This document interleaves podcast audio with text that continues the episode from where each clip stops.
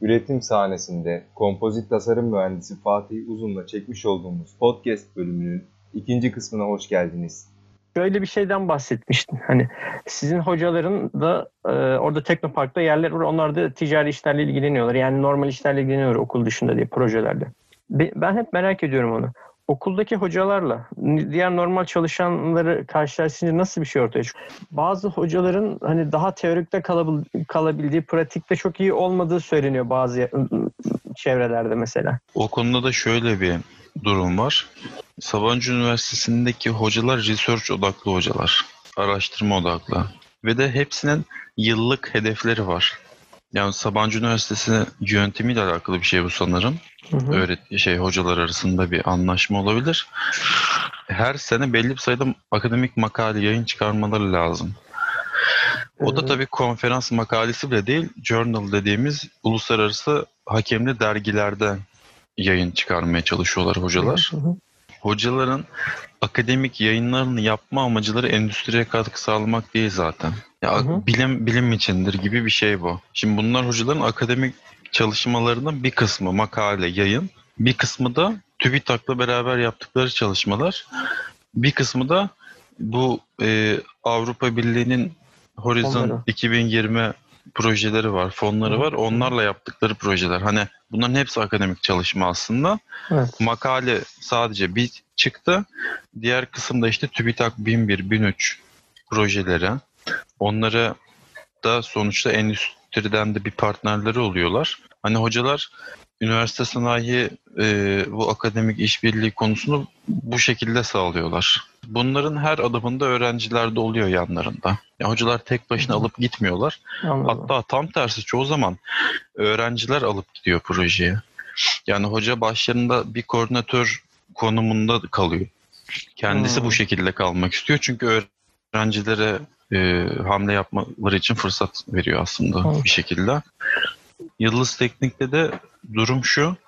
E, hocaların çoğu öncelikleri ders. Yani e, lisans öğrencilerine verdikleri eğitim. O konuda da hakkını yememek lazım. Kaliteli hocalar var gerçekten. Kaliteli bir eğitim oluyor Yıldız Teknik Üniversitesi'nde. Senin buradan e, şu an çalıştığın şekle gelmen nasıl oldu abi? Yani şu an sen artık asistan değilsin okulda. Yüksek lisans devam evet. ediyor ama sen şu an Sabah Üniversitesi'nin bir makine mühendisi olarak çalışanısın. Şöyle oldu. Ee, bahsettiğim merkezde, kompozit teknolojileri mükemmeliyet merkezinde üst katta bizim Kortsa firması yer alıyor. Hı hı. Yine Sabancı Holding'in bir firmasıdır Kortsa. Kompozit hı hı. üzerine çalışıyor iplik üretimi, polyester üretimi falan da var. Ha, şöyle bahsedeyim. Şimdi Kortsa zaten sen de biliyorsun ki çok eski evet. bir firma. 40 evet, yılı aşkın bir firma İzmit'te yer alan. Hı hı Dünyanın da en büyük kort bezi üreticisi. Yani evet. dünyanın da en büyüğü kort bezinde. İzmit'teki tesislerinde zaten yıllardır naylon 66 polyester kort bezi üretiyorlar. Bu yaklaşık son 5-6 yıllık e, süreçte de Kortsa kompozit sektörüne girdi. Kompozit sektörü de şöyle, Kortsa zaten bir tekstil firması olduğu için yani dokuma, iplik işleriyle evet. uğraştığı için kompozit de bir tekstil aslında. O da bir dokuma, iplik. Burada da karbon fiberleri, karbon elyaflarını dokuyarak, dokuyarak kumaş elde ediyorsunuz. Tabii bir de işin reçine boyutu var.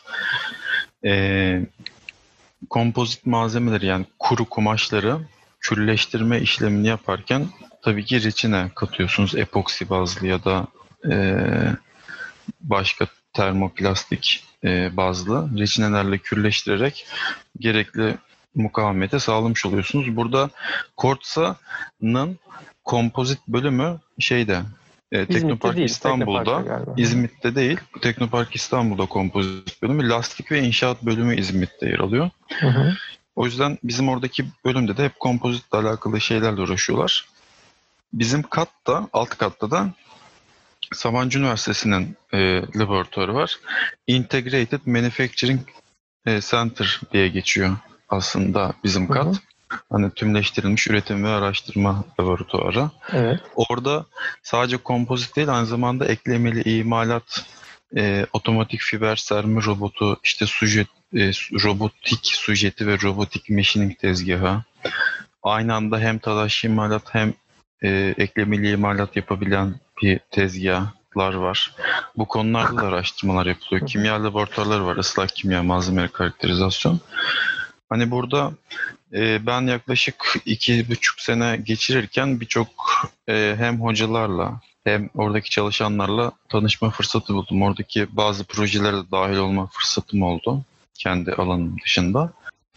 E, tasarım ve analiz mühendisi aldılar bir tane. Hiç yoktu merkezde. Analiz yapan kimse yoktu. Ben de aslında o konuda biraz içim şeydi, rahatsızdı. Yani orada ben daha çok uygulamalı çalışıyorum işte drop testler, numune üretimleri, onların sonuçlarının yorumlanması vesaire. Onlarla uğraşırken hani hiç analizden çok uzak kalmıştım. Unutmaktan da korkuyordum açıkçası. Daha sonra da bir analiz birimi kurma kararı aldılar. Ondan sonra o kişiyle beraber bilgi paylaşımında bulunmaya başladık derken bir analiz e, birimi oluşturup o kişiyi lider yaptılar. Bir tane de analiz mühendisi e, arıyorlardı. Ben de başvurdum.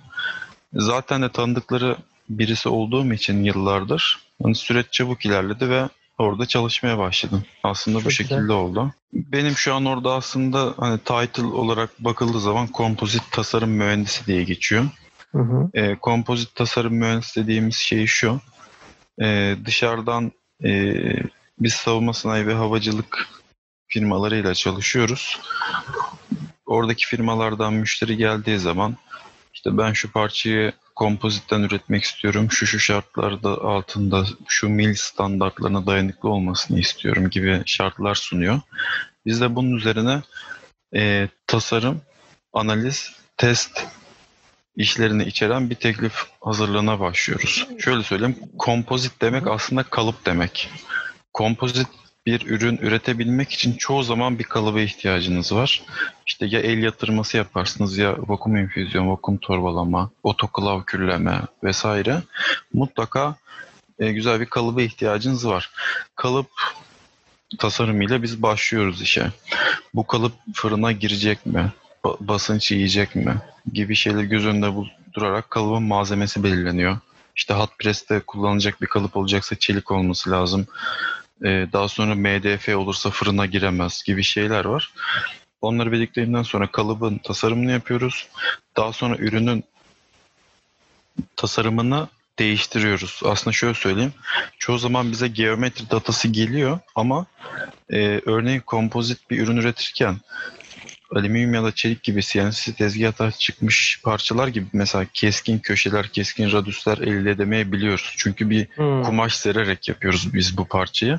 Tabii, doğru. Ve o yüzden doğru. tasarımındaki kontürleri daha çok değiştirmemiz gerekiyor. Tasarıma müdahale etmemiz gerekiyor. Bunları yapıyoruz. Daha sonra belirlenen, istenen şartlara göre e, çalışma koşullarına göre analiz modelini oluşturuyoruz. Çoğunlukla ANSYS ve HyperMesh kullanıyoruz. Explicit ya da non-linear çözümler için LS-Tiny'yi kullanıyoruz yazılım olarak. Evet. Ee, analiz modelini hazırladıktan sonra sonuçları raporluyoruz.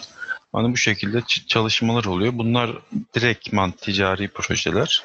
Yani bir de akademik projeler. Sabancı Üniversitesi'ne bağlı bir mühendislik danışmanlık firması gibisiniz aslında. Biraz daha üretim tarafı da olan bir mühendislik danışmanlık firması. Doğru Aynen. Mu abi? Kesinlikle o şekilde aslında. Özel Bizim orasının amacı prototip. Prototip. prototip. Hızlı prototip üretebilme aslında. Anladım, anladım bayağı aslında bir te- özel sektör için tedarikçisiniz veya başka kurumlar için tedarikçisiniz orada. Evet ama şey çok sayıda ürünler için değil hızlı prototipleme için biz orada aslında amacımız şey know-how satmak biraz daha. Anladım. Bizim kar ettiğimiz şey o bilgi satmak. Orada kaç kişi var Fatih sizin bölüm? Yani Sabancı Üniversitesi'nin oradaki biriminde Kortisa dışında çalışan olarak? Nasıl Şimdi bir yer Oradaki orası? birimde bir idari kadro var bir de akademik kadro var. Organizasyon organizasyon şemasında en üstte e, merkezin direktörü var. E, bu direktör e, Sabancı Üniversitesi'nin Mühendislik Fakültesi'nde bulunan bir profesör. Hı hı. O direktör olarak geçiyor.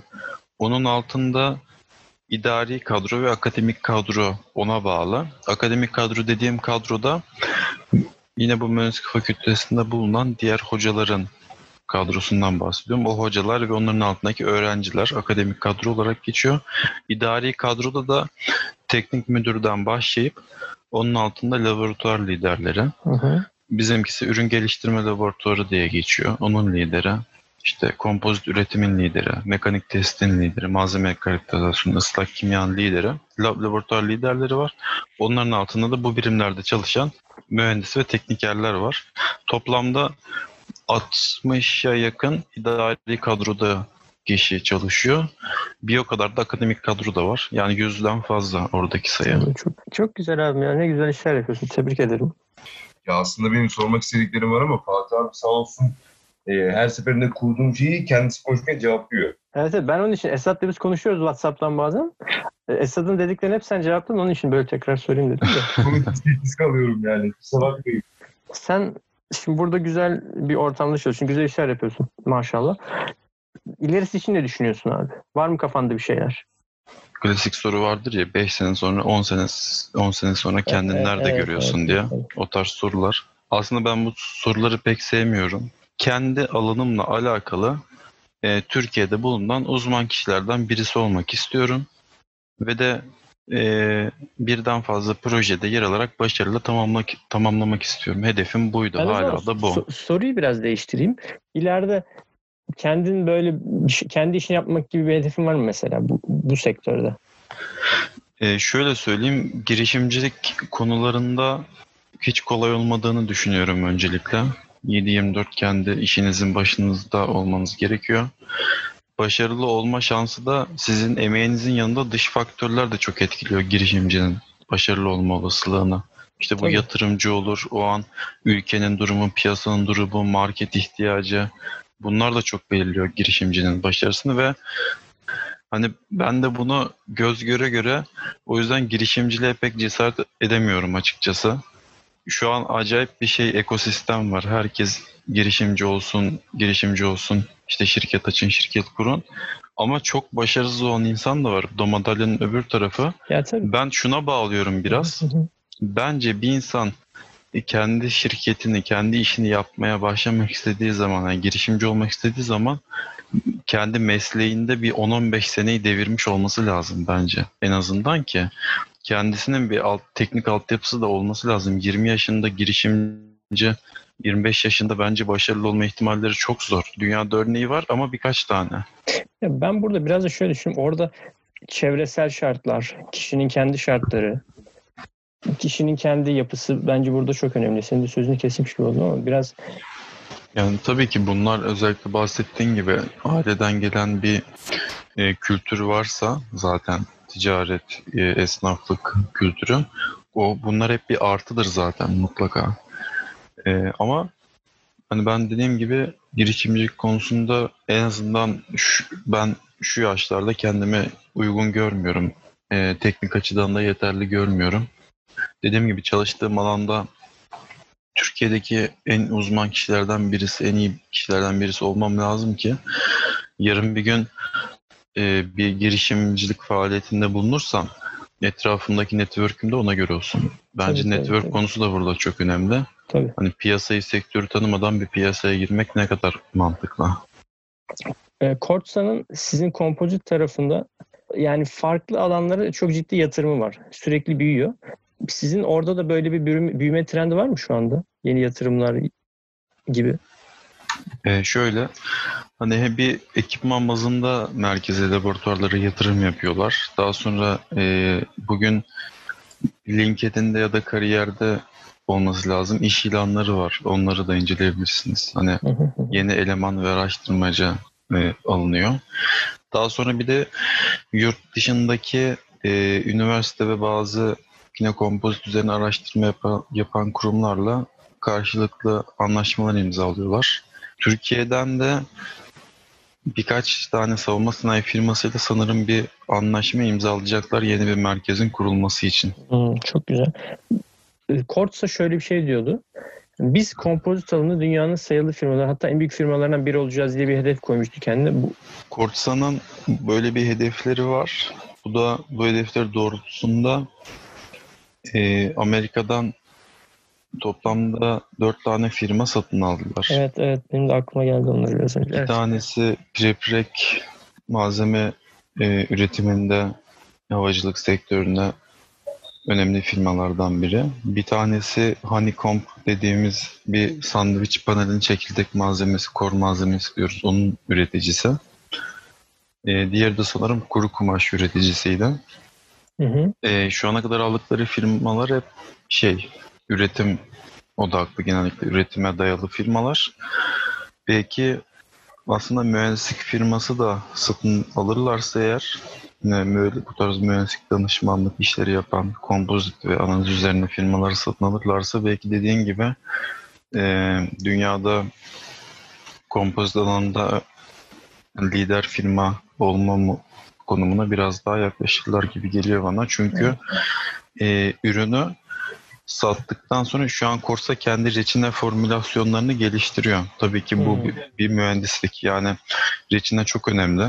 Reçinenin kaç derecede külleşeceği, ne kadar ısı rampası altında vakit geçireceği fırında vesaire bunları belirliyorlar. Bu reçine, termoset ve termoplastik reçineleri formülasyonlarının yanında e, preprey yani reçine emdirilmiş kuru kumaş demek bu arada preprek. Hı hı. Yani bir kuru kumaş şeklinde satabilirsiniz karbon fiberi ya da cam elyafı, aramiti fark etmez. Kuru kumaş şeklinde satıp e, reçineyi müşteri alır ve kendisi vakum infüzyon yapar, e, içine emdirir, kürleştirir.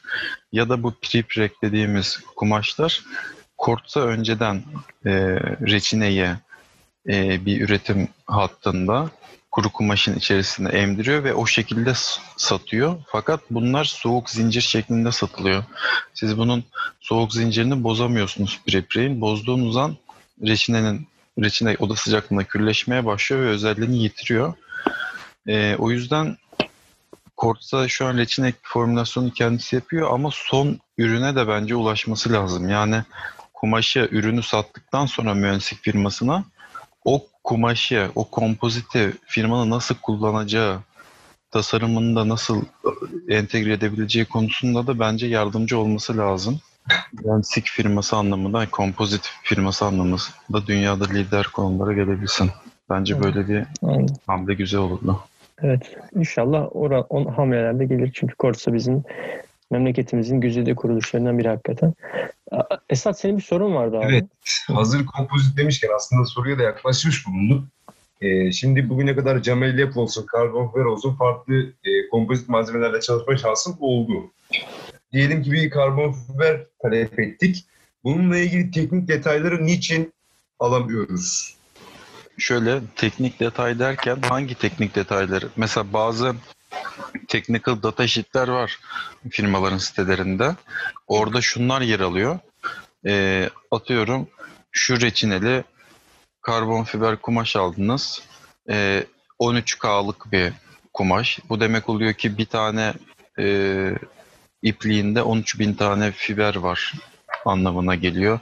İşte 400 GSM yani gram square per metre metrekareye 400 gram ağırlığında bir kumaştır. Daha sonra aldığınız reçinenin e, külleşme ısı rampası grafiğini veriyorlar. İşte 100 dereceye kadar e, dakika şey dakikada 5 derecelik artışlarla arttır. 100 derecede bir saat beklet sonra soğut gibi şeyler var.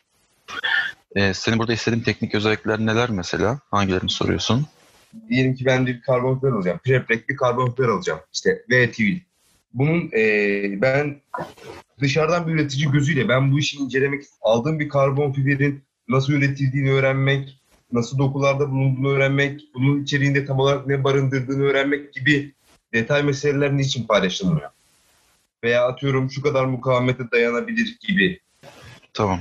Şimdi ilk dediğinle ikinci dediğin arasında çok fark var. Şöyle yani istediğin teknik özellikler arasında mukavemet yani mekanik özellikler kısmı ayrı bir şey. Bir de bahsettiğin üretimle kısımla e, alakalı şeyler ayrı bir şey. Şimdi şöyle e, üretiminle alakalı sadece şu noktaya kadar yardımcı oluyorlar.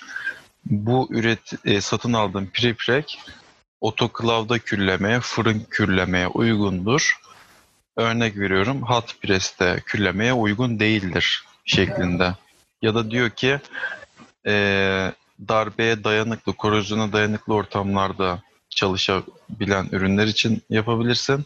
Diğerinde diyor ki otomotiv sektörüne yönelik ürünlerde yapabilirsin. Hani e, müşteriye çok fazla müdahale etmiyor kumaş hakkında. Mekanik özellik olarak da e, bunların her biri bir know-how satmış oluyor aslında. Yani o mekanik özelliğini bulabilmesi için Korsa'nın o ürettiği prepreyi onu e, üretip, külleştirip bir sürü testler yapması gerekiyor. Bunların hepsinde bir maliyet, para harcaması gerekiyor ve birçok ürün olduğu düşünüldüğü zaman da ortaya böyle büyük bir tablo çıkıyor. Ama mesela Hexel gibi, e, Toray gibi dev firmalar var kompozit üreticisi. Bunların web sitelerine girdiğin zaman az önce bahsettiğin özelliklerin hepsini paylaşıyor onlar. Hatta teknoloji manuelleri olarak yayınladıkları PDF'ler var. Çok güzel onu tavsiye ederim. Hexel'in web sitesinde var. Teknoloji Manuels diye. Orada bir sandviç panel mi yapmak istiyorsun ya da laminat mı yapmak istiyorsun e, karbon fiber kumaştan.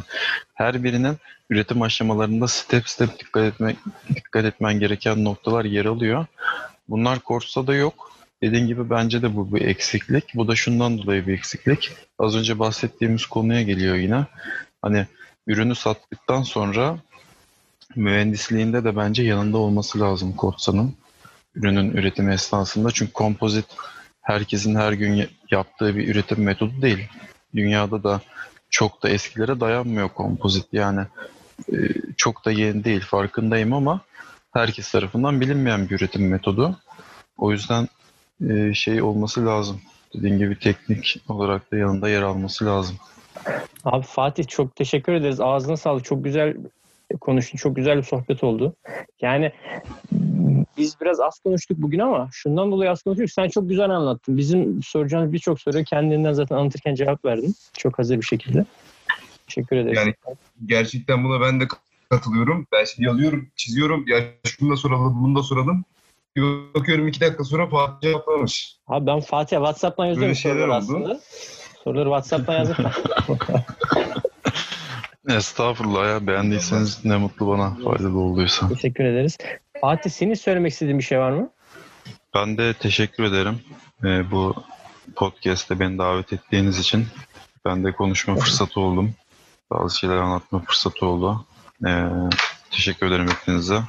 Çalışmalarınızda da başarılar dilerim. Çok teşekkür ederiz. Şimdi sana belki ulaşmak isteyenler olabilir. Sana nereden ulaşabilirler? Ee, Bir tecrübe paylaşımı için ulaşmalarına bir sakınca var mı? Ya da bir sorular olduğu zaman herhangi bir... Yok. Bir LinkedIn'den istek atabilirler mi? Tabii ki canım. LinkedIn'den ulaşabilirler. Mail adresimi de vereyim. Oradan Tabii. da sorusu onu da olanlar yazabilir. Kolaysa söyle, eğer sen söyle biz yine not olarak yazarız belki sonra. Tamam. Ee, Fatih nokta uzun et sabanciunif nokta edu. Bugün şimdi ikinci bölümümüzdü. Daha nice bölümlerde belki tekrar daha bu sefer şimdi çok geniş aldık. Bazı spesifik konularda da konuk alabiliriz ilerleyen dönemlerde seni. Tabii olur memnuniyetle. Çok teşekkür ederiz tekrar geldiğin için. Ee, bir bölümün daha o zaman sonuna geldik. Bizi dinlediğiniz için teşekkür ederiz. Ee, bize de hem sosyal medya hesaplarımızdan hem de kendi şahsi hesaplarımızdan hem üretim sahnesinin sosyal medya hesaplarından hem de kendi şahsi hesaplarımızdan ulaşabilirsiniz. O zaman bir sonraki bölümde görüşmek üzere. Hoşçakalın.